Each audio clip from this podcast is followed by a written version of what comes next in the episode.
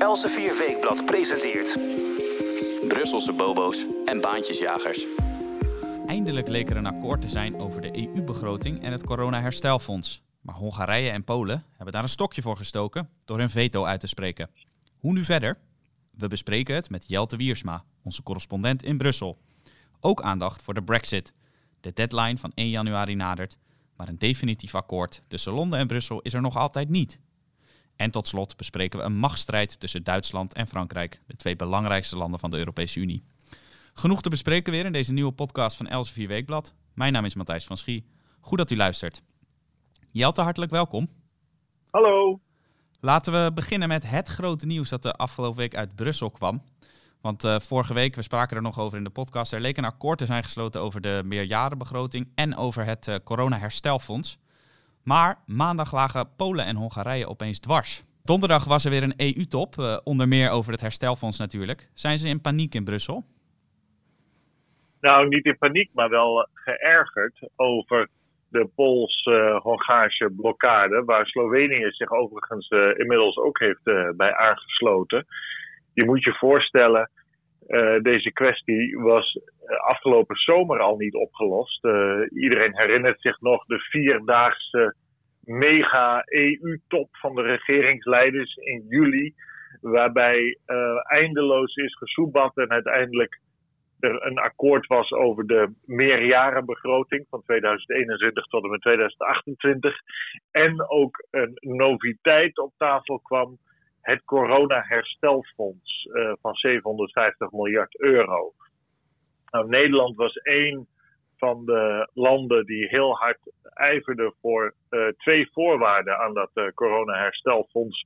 En één voorwaarde wat betreft de meerjarenbegroting die voorwaarde die voor het herstelfonds en de meerjarenbegroting uh, geldt, was dat landen die de rechtsstaat uh, niet respecteren, uh, dan heb je het over de onaf onafhankelijkheid van rechters bijvoorbeeld, dat die gekort worden op subsidies uit dat corona-herstelfonds en die meerjarenbegroting. En daarnaast heeft Nederland in de persoon van premier Mark Rutte hard gezegd van alleen landen die hervormen, krijgen geld uit dat corona-herstelfonds. Nou, die twee punten die zijn ook opgenomen, die zijn ook afgesproken, maar wel op zo'n manier opgeschreven dat je daar uh, uh, enige interpretatie op los kunt laten. En na afloop van die top zei de Hongaarse premier uh, Viktor Orban al meteen: Ik interpreteer het zo dat daar geen koppeling gaat zijn tussen het uitdelen van EU-geld aan ons als Hongarije, als grote ontvanger van EU-subsidies.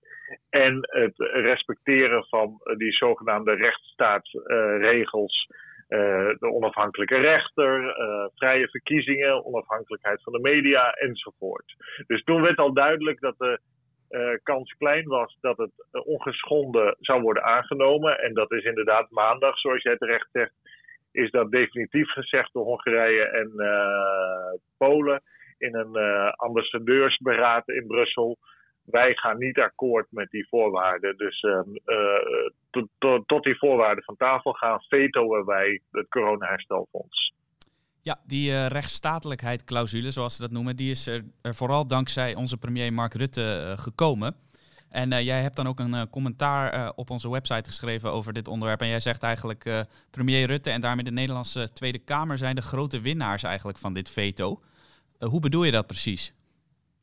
Ja, kijk, Nederland was altijd tegen het corona-herstelfonds. Hè. Dat was zowel de Nederlandse regering uh, als de Tweede Kamer met een ruime meerderheid zag dat het corona-herstelfonds, zoals dat in Parijs door de Franse premier Emmanuel Macron is bedacht, helemaal niet zitten.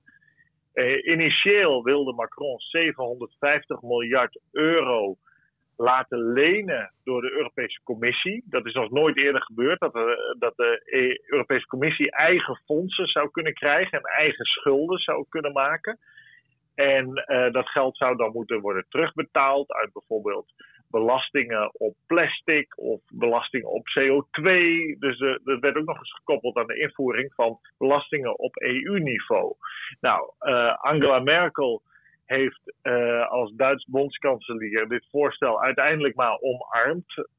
Uh, maar wel met enige schuchterheid moet gezegd worden. Want de Duitsers die hopen ook altijd wel dat de Nederlanders het beukwerk doen en Franse voorstellen naar de Filistijnen helpen. Nou, dat heeft Rutte deels gedaan um, door het corona-herstelfonds op te breken waarbij nog maar 390 miljard euro uh, giften zullen worden en de rest zullen leningen worden aan landen die dat ontvangen. Um, en uh, Rutte heeft dus allerlei voorwaarden daaraan gehangen. Dat heeft hij niet alleen gedaan, dat heeft hij met de Finnen, de Zweden en de Denen samen gedaan. En daar was ook wel vrij veel steun via de achterdeur uh, vanuit Duitsland voor. Hè? Dus in Nederland wordt elke keer gebruikt, ook door de Duitsers, als een stormram. Om de onaangename uh, zaken te regelen. Zodat de Duitsers vriendelijk kunnen blijven tegen de Fransen. Alhoewel dat niet altijd in de praktijk zo uitwerkt. Maar uh, ja, we zien dus nu dat door dit veto gebeurt wat de Nederlandse regering en de Tweede Kamer eigenlijk wilden. Dat corona-herstelfonds komt er niet. En het is mij helemaal de vraag of het er ooit wel komt. Dat had jij ook al voorspeld, hè? Je had al voorspeld dat het er niet zou komen, uh, maanden geleden. Ja, maar, ja toen het werd afgesproken in juli heb ik al meteen gezegd... nou, het is maar helemaal de vraag of dat er ooit komt. Uh, dat was ook niet zo moeilijk om te voorspellen. Want de Tweede Kamer die heeft er ook nog een zegje over. En het was dan meteen duidelijk dat de Tweede Kamer uh, harde voorwaarden... Die, die voorwaarden die Rutte heeft gesteld en die ook zijn opgeschreven na de juli-top, dat de Tweede Kamer daar wel de regering uh, en daarmee de hele EU aan zou houden. Dus nu kan het altijd schuiven in de Tweede Kamer natuurlijk, dat weten we uh, uit ervaring met bijvoorbeeld Griekse steunpakketten, waar uiteindelijk de Tweede Kamer ook na heel veel aarzeling, ergernis en tegenstribbelen en protest toch akkoord mee ging. Maar um, uh, het was absoluut niet zeker dat het doorging. En de uitvoerbaarheid van het fonds is ook nog eens een, een keer iets. Want landen kunnen alleen maar geld krijgen uit het corona-herstelfonds als ze met concrete projecten komen. Die moeten worden goedgekeurd, ook nog door de Europese Commissie. De Europese Raad kan eventueel zeggen: nee, jullie krijgen toch geen geld. En elk land heeft dan ook weer een veto. Dus de regeringsleiders kunnen elke, bij elk project dat bijvoorbeeld Italië, de grootste ontvanger uit het coronaherstelfonds, althans op papier van 209 miljard euro, die, die, dat zou allemaal kunnen worden afgeschoten nog. Dus er waren zoveel hobbels ingebouwd, dat je kon al meteen zien dat de, de kans heel groot was dat er uh, niet zoveel van terecht zou komen op korte termijn. Op lange termijn misschien wel. Maar ja, dan is de coronacrisis waarschijnlijk wel over. En dan is de vraag: wat uh, heeft dit uh, hele herstelfonds nog voor, voor, voor functie? Dus, maar ze mogen in Den Haag wel een bedankbriefje schrijven. Ik hoor ook van Nederlandse diplomaten en ambtenaren dat ze dolgelukkig zijn met de gang van zaken. Ook al houden ze naar buiten toe de schijn hoog dat Polen en Hongarije uh, die rechtsstatelijkheid, zoals ze dat dan noemen, op orde moeten brengen. In Den Haag uh, zijn de champagnekurken gaan knallen. Want uh, wat Nederland al nooit wilde, wordt nu keurig gesaboteerd door een aantal Oost-Europese landen. Dus een heerlijke week voor, voor Nederland uiteindelijk. en voor de Nederlandse burger en belastingbetaler. Nou, uh, reden voor een uh, bescheiden feestje dan inderdaad voor ons. Voor de Polen en de Hongaren ligt het iets anders. Hen wordt dus inderdaad uh, een gebrek aan rechtsstatelijkheid verweten. Nou, daar zit ongetwijfeld een hoop in. Maar jij schrijft tegelijkertijd ook in jouw artikel hierover dat het toch wel een beetje hypocriet is, die hele gang van zaken. Op wat voor manier is dat hypocriet? Nou, op heel veel vlakken natuurlijk. Kijk, die landen die zijn er in 2004 bijgekomen bij de Europese Unie. En toen voldeden zij al niet wat betreft die rechtsstatelijkheid, uh, scheiding der machten enzovoort, aan de Kopenhagen-criteria zoals die zijn vastgelegd in de stad Kopenhagen. Wat uh, eigenlijk een soort basisregels zijn waar een land aan moet voldoen, wil het kunnen toetreden tot de Europese Unie. Uh, van der Laan, destijds D66 prominent, die heeft dat toen ook gezegd. En die uh, gaf linkse partijen een veeg uit de, uit de mantel. Uh, en die zei van ja, dat kan helemaal niet hoe, hoe ermee wordt gesjoemeld. Dus die landen die werden toegelaten. Terwijl ja, die besturen en die ambtelijke, ambtelijke macht en de juridische macht, de rechtelijke macht, zaten nog vol met oud-communisten en allemaal andere types uh, die je daar niet wilde hebben. Er deugde helemaal niks van. Maar ja, onder druk van vooral Gerhard Schreuder, maar, uh, de SPD-kanselier van Duitsland in die jaren, maar ook van Wim Kok, uh, PvdA-premier in Nederland en anderen, moesten die landen er toch bij. Nou, oké, die landen die zitten er dan bij. Uh, dan gaat het feest gewoon door. Er zijn miljarden aan subsidies die kant op gegaan. Die zijn allemaal in zakken verdwenen of deels. Waar ze niet behoorden te komen. Dat is uitgebreid gedocumenteerd. Dat is ook bijvoorbeeld gebeurd onder het premierschap van uh, Donald Tusk. Um, en Tusk is later voorzitter geworden van de Europese Raad. En mede dankzij of door de corruptie onder Tusks bestuur, dat was niet Tusk persoonlijk zozeer, als wel onder zijn bewind, zijn heel veel Polen uh, op de PiS-partij gaan stemmen, die daar nu uh, al een heel aantal jaren aan de macht is, sinds 2015. Dus je moet je voorstellen dat die Tusk, die krijgt een prachtig baantje op EU-niveau, terwijl de corruptie welig tierde onder zijn bewind. En sterker nog, hij is ook nog eens voorzitter geworden nadat hij aftrad als voorzitter van de Europese Raad van de partij, de Europese Volkspartij, waar Merkel CDU lid van is, waar het CDA lid van is. Dus um, ja, die, die corruptie die bestond al. De, de, de, de deugde van alles niet voordat ze toetraden. Toen zijn alle regels overboord gegooid. En in de jaren dat uh, andere partijen daar aan de macht waren, deugde het ook al niet. En nu is uh, uh, een partij aan de macht in Polen en in Hongarije die totaal andere opvattingen hebben over de samenleving. En nu opeens stelt het allemaal wel. En ja, dat is wel een beetje hypocriet, toch? Of een hele, heel erg beetje veel, zou ik zeggen. Absoluut. Uh, je bespreekt hier eigenlijk een, een staaltje machtspolitiek van, van het hoogste kaliber. En uh, dat is niet toevallig, want jij zegt eigenlijk al heel vaak in deze podcast: in de EU gaat macht uiteindelijk altijd boven principes. En uh, de Hongaarse premier Orbán lijkt daar ook een beetje op voor te sorteren. Want uh, ik, ik, keek net eventjes op de website Politico. En daar stond een citaat van Orbán die zei: Nou, ik heb er uiteindelijk wel vertrouwen in dat het goed komt, dat die EU dat wel gaat regelen met dat corona-herstelfonds. Want uiteindelijk gaat het altijd zo. Denk jij dat ook? Nou, dat zou best kunnen. Maar we moeten het maar zien. Het Europees Parlement heeft behoorlijk scherp uh, uh, gezegd van wij uh, willen absoluut niet dat er ook maar getornd wordt aan die eisen. Nou, dat is inderdaad een, een, een, een, belangrijke uitspraak, want het parlement heeft hier ook een zegje in. Dan um, is er wel een alternatieve route dat de 25 of 24 landen die dat herstelfonds wel willen, dat die buiten de EU-structuren omgaan. Dat kan wel. Maar ja, dan gaat het niet bij de commissie uh, komen, het geld. Maar dan moet je een heel nieuw instituut opzetten. Dat die 750 miljard euro gaat lenen op de kapitaalmarkt. En waar dan de, die 24 landen uiteindelijk uh, het geld voor op tafel moeten leggen. Dus dat, dat is wel een alternatieve route. Maar die, willen ze liever toch niet uh, gaan, gaan volgen. Maar het is waar, uh, in de EU-politiek is het zo dat macht is het belangrijkste. Dat is altijd zo in alle politiek. Regels, wetten, nou, die staan aan macht vaak in, in de weg. En je ziet dat wetten en regels gelden veel minder voor Duitsland en Frankrijk bijvoorbeeld, maar ook voor Italië. Die doen, die doen wat ze willen. En uh, dat is nog een andere hypocriete poot in die zin. Uh, je ziet het ook met bijvoorbeeld uh, hoe in Nederland of in Duitsland rechters worden aangesteld. Er zijn ook allemaal politieke benoemingen bij. Denk alleen al, uh, en ja, dat wordt wel lastig natuurlijk als je Polen en Hongarije de maat gaat nemen. Dan moet je ook Nederland de maat gaan nemen. Ja, en dan heb je bijvoorbeeld een, een lichaam als de Raad van State. Daar is de koning de voorzitter van.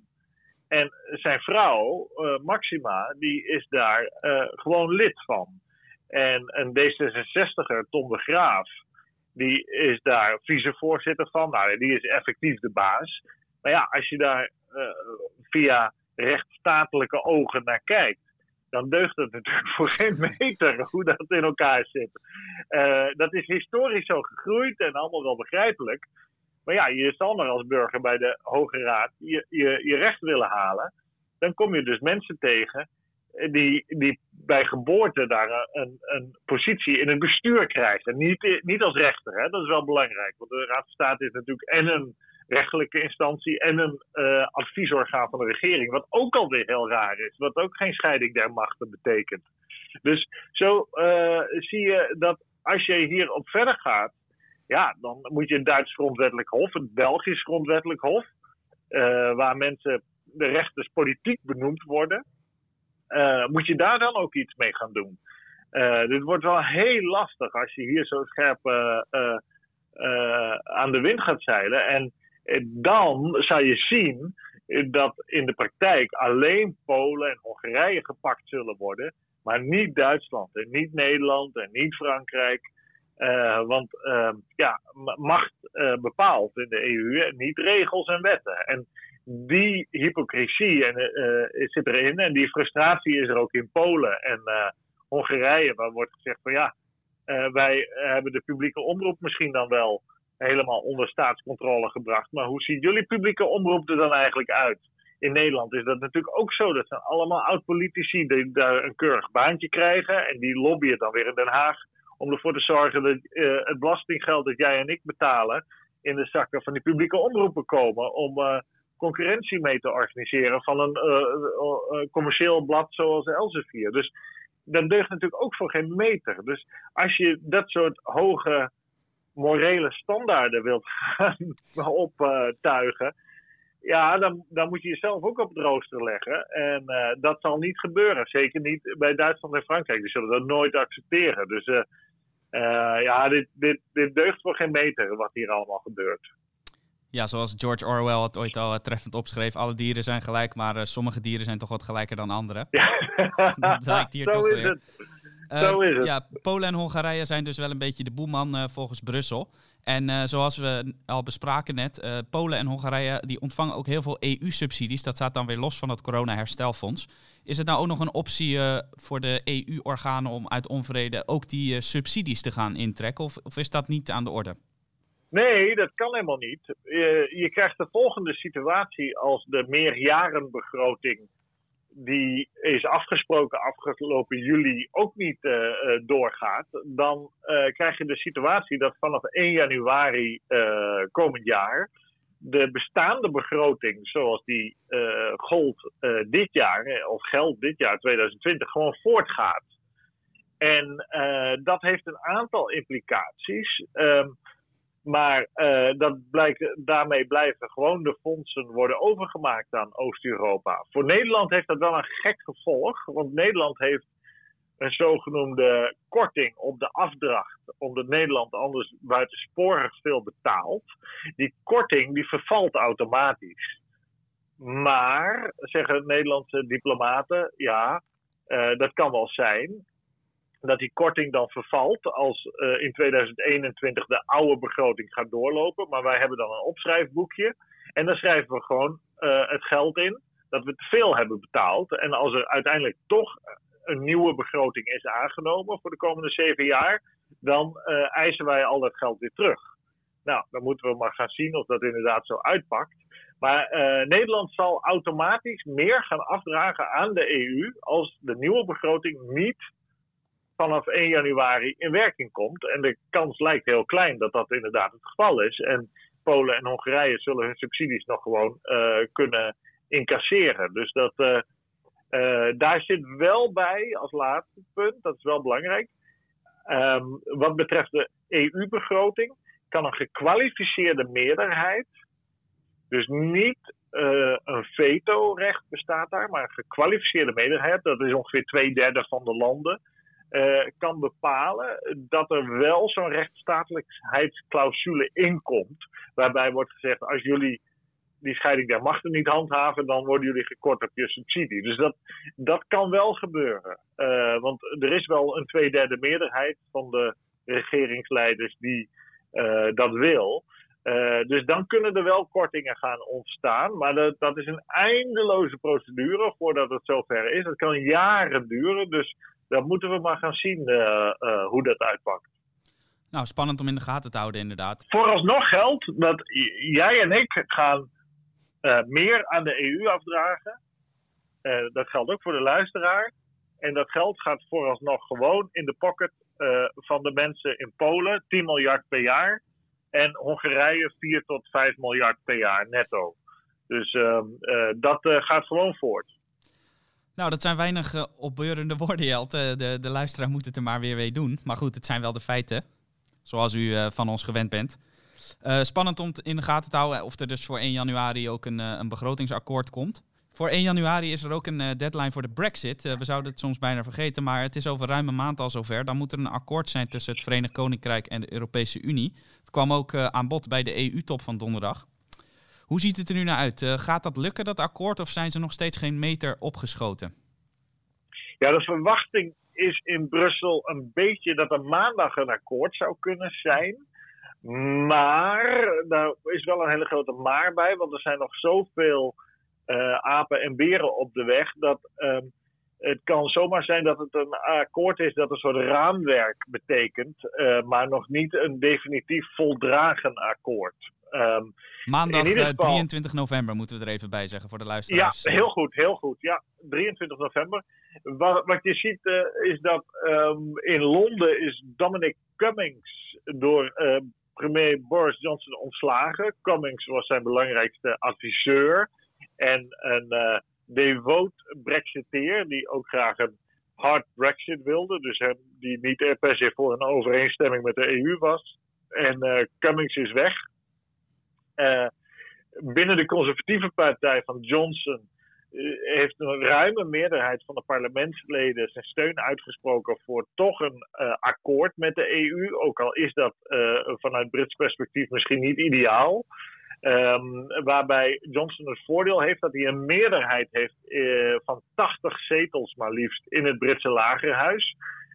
Waardoor de hardcore Brexiteers waarschijnlijk wel genegeerd kunnen worden door Johnson. Dat hij een meerderheid zal hebben zelfs binnen zijn eigen partij een ruime meerderheid uh, in het parlement waar, om, om een akkoord te sluiten zoals dat nu op tafel ligt. Uh, maar dat is uh, nog wel afhankelijk van of hij akkoord zou willen gaan met allerlei voorwaarden die de EU oplegt voor de vrije toegang tot de EU-markt van diensten en goederen uit het Verenigd Koninkrijk. En ja, daar zijn ze nog steeds niet over uit. Er wordt gespeculeerd dat Johnson, een man zonder echte principes, toch wel akkoord wil gaan. Want hij wil gewoon dit uit de weg hebben. Hij wil de premier zijn die Brexit heeft voldragen. En dan ook nog de premier zijn die een uh, akkoord met, de, met uh, de EU heeft gesloten, waardoor allerlei uh, bedrijven in het Verenigd Koninkrijk op de oude voet eigenlijk door kunnen gaan met het verkopen van en verhandelen van hun producten en diensten. En dat hij zich dan kan focussen op allerlei binnenlandse kwesties en, en andere zaken. En ook kan focussen op het sluiten van vrijhandelsakkoorden met bijvoorbeeld de Verenigde Staten. Of met bijvoorbeeld uh, een aantal Aziatische landen en Australië en Nieuw-Zeeland. Hij wil zich graag aansluiten bij de Trans-Pacific Trade Agreement. Waar voorheen Amerika de drager van was. Dat is met Japan, Zuid-Korea, onder meer uh, de Australië en Nieuw-Zeeland dus. En hij zou uh, graag uh, daarbij willen aansluiten. En zeker als de Verenigde Staten onder een mogelijke president Joe Biden uh, zich daar ook bij aansluit, dan is, zie je dus eigenlijk dat de Angelsaksen samen met Azië, met de democratieën en vrije markteconomieën in Azië de handen ineens slaan. En daar, daar preludeert hij heel erg op. Het Verenigd Koninkrijk is altijd ook meer een uh, Aziatische macht geweest, is historisch wel eens gezegd, dan een Europese macht, gek genoeg. Uh, dus um, uh, dat gaan we zien of Johnson inderdaad die flexibiliteit nu heeft en wil nemen om toch een aantal voorwaarden vanuit de EU te slikken die toch wel pijnlijk zijn voor het Verenigd Koninkrijk. En dan is het voornamelijk de macht van het Hof van Justitie in Luxemburg dat die uiteindelijk de hoogste rechter is in twistgevallen. En uh, het accepteren van regels wat betreft staatssteun aan bedrijven en andere uh, sectoren. Uh, hoe, in hoeverre dat mag en dat, dat, die regels uiteindelijk in Brussel worden bepaald. En dat wilden de Brexiteers nooit. begrijpelijk ook, want dat heeft koloniale effecten in zich, zou je kunnen zeggen. Maar het lijkt erop dat Johnson daar toch mee akkoord wil gaan. Om in ieder geval maar uh, Brexit van tafel te hebben. Ja, Brexit van tafel. Ik denk dat daar heel veel mensen op zitten te wachten. er zijn talloze deadlines geweest, verlengperiodes, uitstel enzovoort. Dus ik denk dat velen het wel een beetje beu zijn. Is het nou zo dat als het straks 1 januari is, ongeacht of er nou een deal is of niet, dat het dan echt definitief afgelopen is met die Brexit? Kan er dan niks meer worden verlengd en zijn we er dus ook voor goed vanaf? Nou ja, wat ik al zei, er komt waarschijnlijk een soort raamwerkakkoord. Uh, waarbij in eerste instantie gaat gelden dat een heel aantal sectoren vrijelijk op de EU-markt mogen opereren vanuit het Verenigd Koninkrijk. Maar andere niet. Die krijgen beperkingen. Je hebt uh, twee, twee poten. Je hebt de douane toegang enerzijds en anderzijds de markttoegang. Dus dat je producten zonder keuring de EU-markt op kunnen. Dat is douanetoegang. Maar de markttoegang, dat is dat ze ook nog eens zonder heffingen de EU-markt op kunnen. Dus zonder belastingen aan de grens. En er zullen een aantal belastingen sowieso komen. Uh, landbouwproducten uh, zal zeer waarschijnlijk toch gebeuren. Maar binnen die raamwerkovereenkomst is er dan ruimte om door te onderhandelen. Dus er zal waarschijnlijk na 1 januari dan nog maanden, misschien wel jaren door onderhandeld worden. Om andere sectoren bijvoorbeeld ook uh, vanuit het Verenigd Koninkrijk vrije toegang te kunnen geven tot de EU-markt. Maar andersom natuurlijk ook EU landen en bedrijven in EU-landen, zoals Nederland, vrije toegang tot het Verenigd Koninkrijk te kunnen geven. Alhoewel de Britten elke keer hebben gezegd: ja, wij gaan geen heffingen opleggen aan EU-producten. Eh, dus jullie kunnen vrijelijk je producten bij ons blijven verkopen. Maar dat lijkt wel een beetje al te optimistisch, uh, uh, eerlijk gezegd. Dus dit kan nog jaren doorgaan. Dat is, is, ook niet helemaal verwonderlijk, want ik geloof dat Alexis de Tocqueville, de beroemde Franse filosoof alles heeft gezegd dat uh, Britten zijn hele uh, uh, intelligente mensen, maar ze kunnen maar één ding tegelijk goed doen. En dat zie je in deze onderhandelingen wel. het is een beetje te veel voor de Britten om dit soort dingen te doen. Terwijl ze aan de andere kant, de EU-onderhandelaars zijn Fransen. Ja, en die, die kunnen dat wel, zo'n totaalpakket. Maar de Britten zijn altijd brokje bij brokje. Dat kunnen ze heel goed. Maar één groot pakket vinden ze moeilijk om, om te overzien, want zij denken niet in grote schema's. zo denken Britten niet, zo denken de Fransen wel. Dus voor hen is dit altijd een lastige uh, uh, zaak uh, om, om dit soort onderhandelingen te voeren. En dat zie je ook wel. Dus ik denk dat het nog jaren, dit kan nog jaren doorsudderen. En die onderhandelingen zullen ook nooit ten einde zijn. Zwitserland onderhandelt ook elke dag met de EU. En dat gaat maar door en gaat maar door. En dat zal hier ook zo uh, zijn. Nou, goed om te weten. Dan uh, loopt dat onderwerp voorlopig uh, niet weg. Eerst maar eens kijken of er voor het einde van dit jaar een, een voorlopig raamwerkakkoord zal zijn. Als er nieuws is, dan leest u dat uiteraard op onze website ewmagazine.nl. En dan hoort u het natuurlijk volgende week ook weer in onze podcast. Jelte, tot slot wil ik even jouw wekelijkse rubriek in Brussel doornemen. Deze week gaat hij over een uh, strijd tussen de twee grootste, machtigste landen van de EU, namelijk Duitsland en Frankrijk.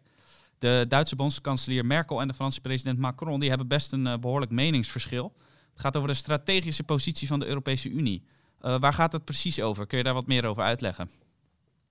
Ja, dat is heel interessant. kijk, Emmanuel Macron die heeft in 2017 toen hij eh, een half jaar president was en uh, net de Duitse Bondsdagverkiezingen waren geweest en Angela Merkel opnieuw kanselier werd, gezegd: uh, Ik wil een strategisch autonoom Europa. Zo zegt hij dan, maar hij bedoelt dan Europese Unie.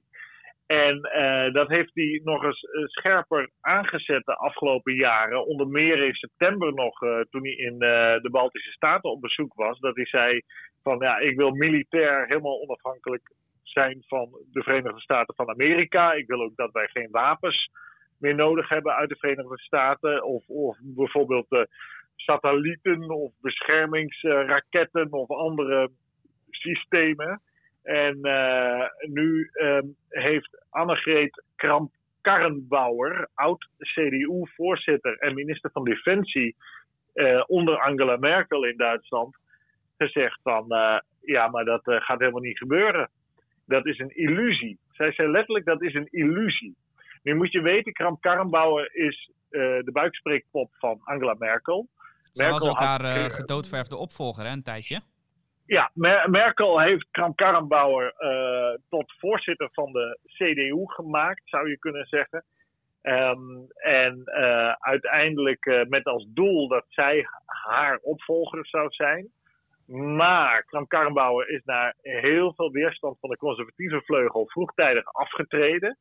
Uh, wel minister van Defensie gebleven. En uh, Kram-Karrenbauer die zegt nu ja, wij gaan als Europa, als Europese Unie, uh, onder de Amerikaanse veiligheidsparaplu blijven. En wij zullen afhankelijk blijven van de Verenigde Staten. En dat is ook prima. En ja, Macron heeft daarop gereageerd. En die was woest. Macron heeft een interview gegeven voor een denktank in uh, Parijs. En die zegt uh, van ja, dit is allemaal idioot en schandalig en weet ik wat.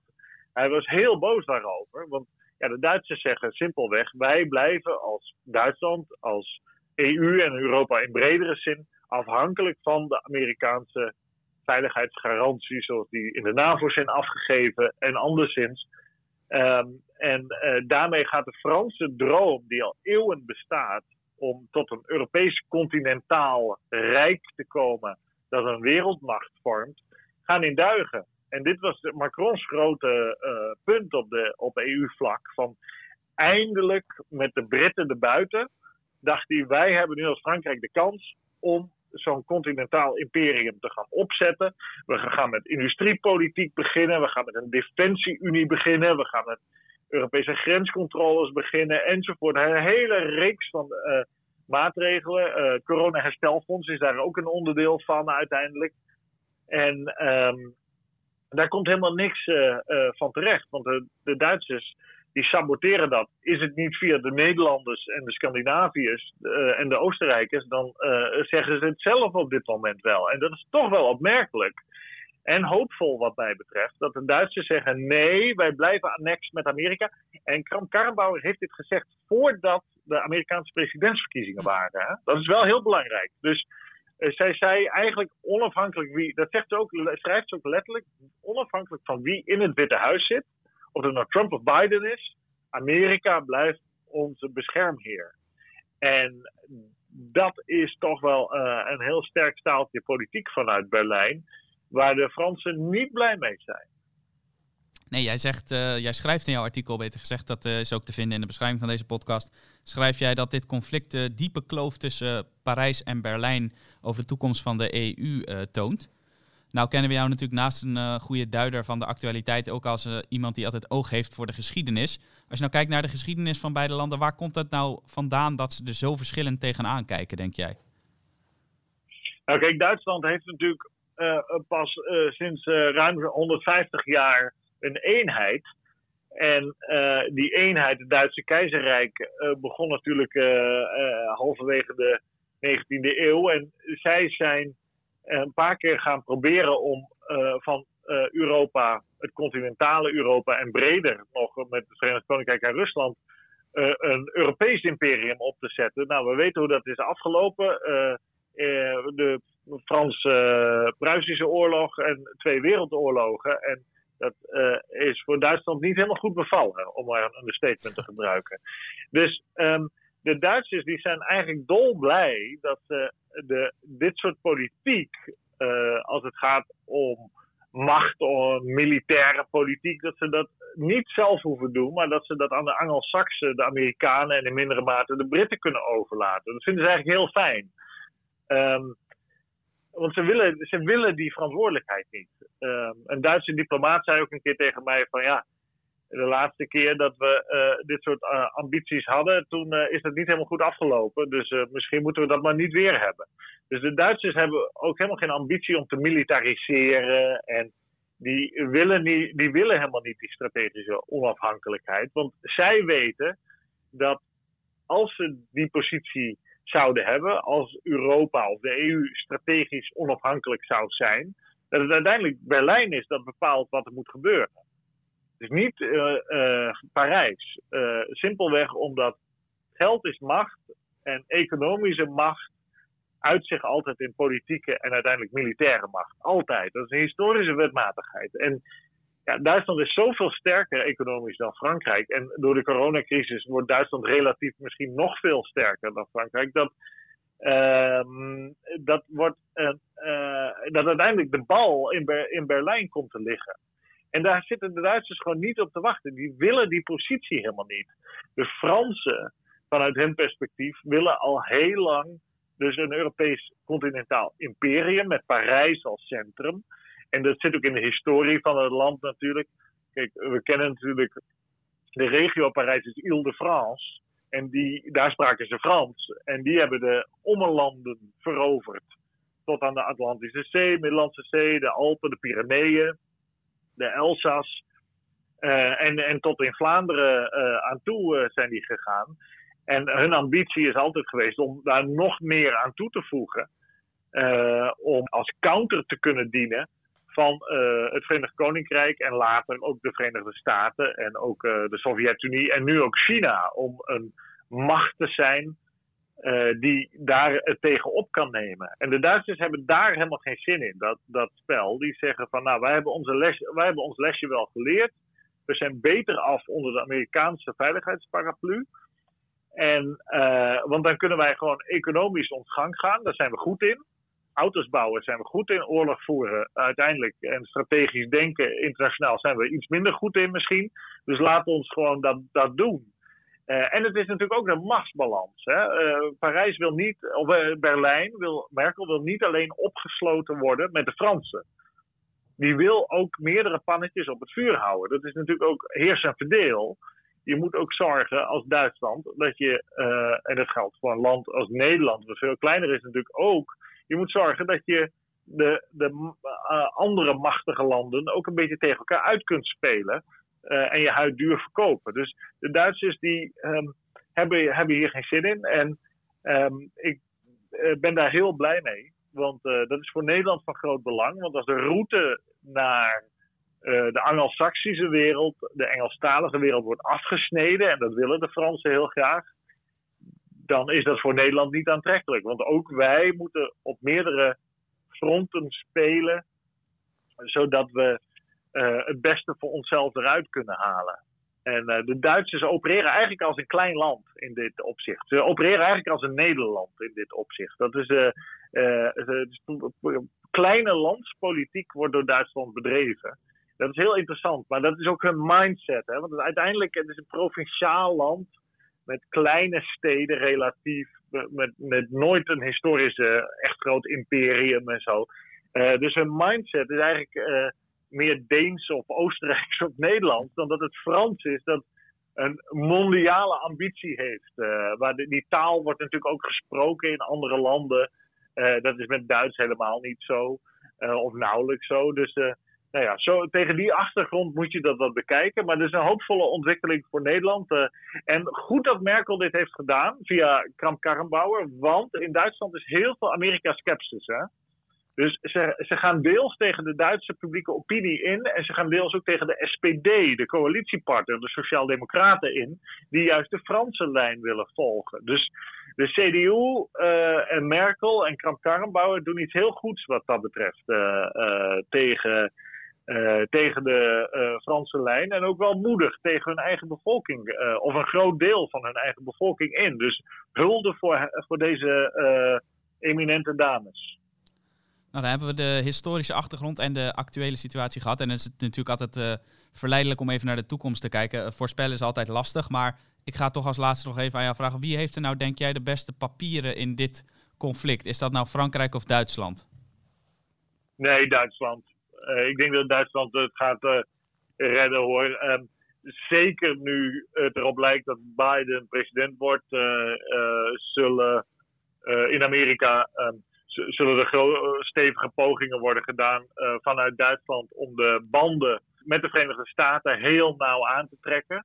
Ik denk ook dat Merkel zich zal presenteren als de Europese leider in Washington. Zo worden, zo worden de Duitse kanseliers ook wel gezien inmiddels. Uh, ze zal wel meegaan, dat zie je ook wel in de ambities om een aantal dingen militair in Europees verband beter te organiseren. Dan gaat het over logistiek en het uh, verminderen van het aantal munitiesoorten en een aantal industriële capaciteiten.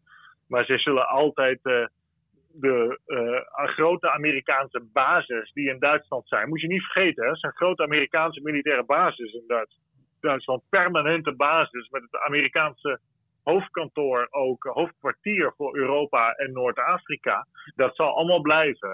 Dat staat niet in Frankrijk, dat staat wel in Duitsland. En dat zal uh, blijven. En de Duitsers willen dat ook. Uh, al was het maar als afschrikking naar bijvoorbeeld Rusland of anderen. Dus nee, dit, is een, um, iets dat Merkel en de Duitsers denk ik zullen volhouden, mits de CDU daar de sterke kracht blijft. Daar hangt het vanaf. Als de SPD daar de sterke kracht wordt, dan kan het wel eens draaien.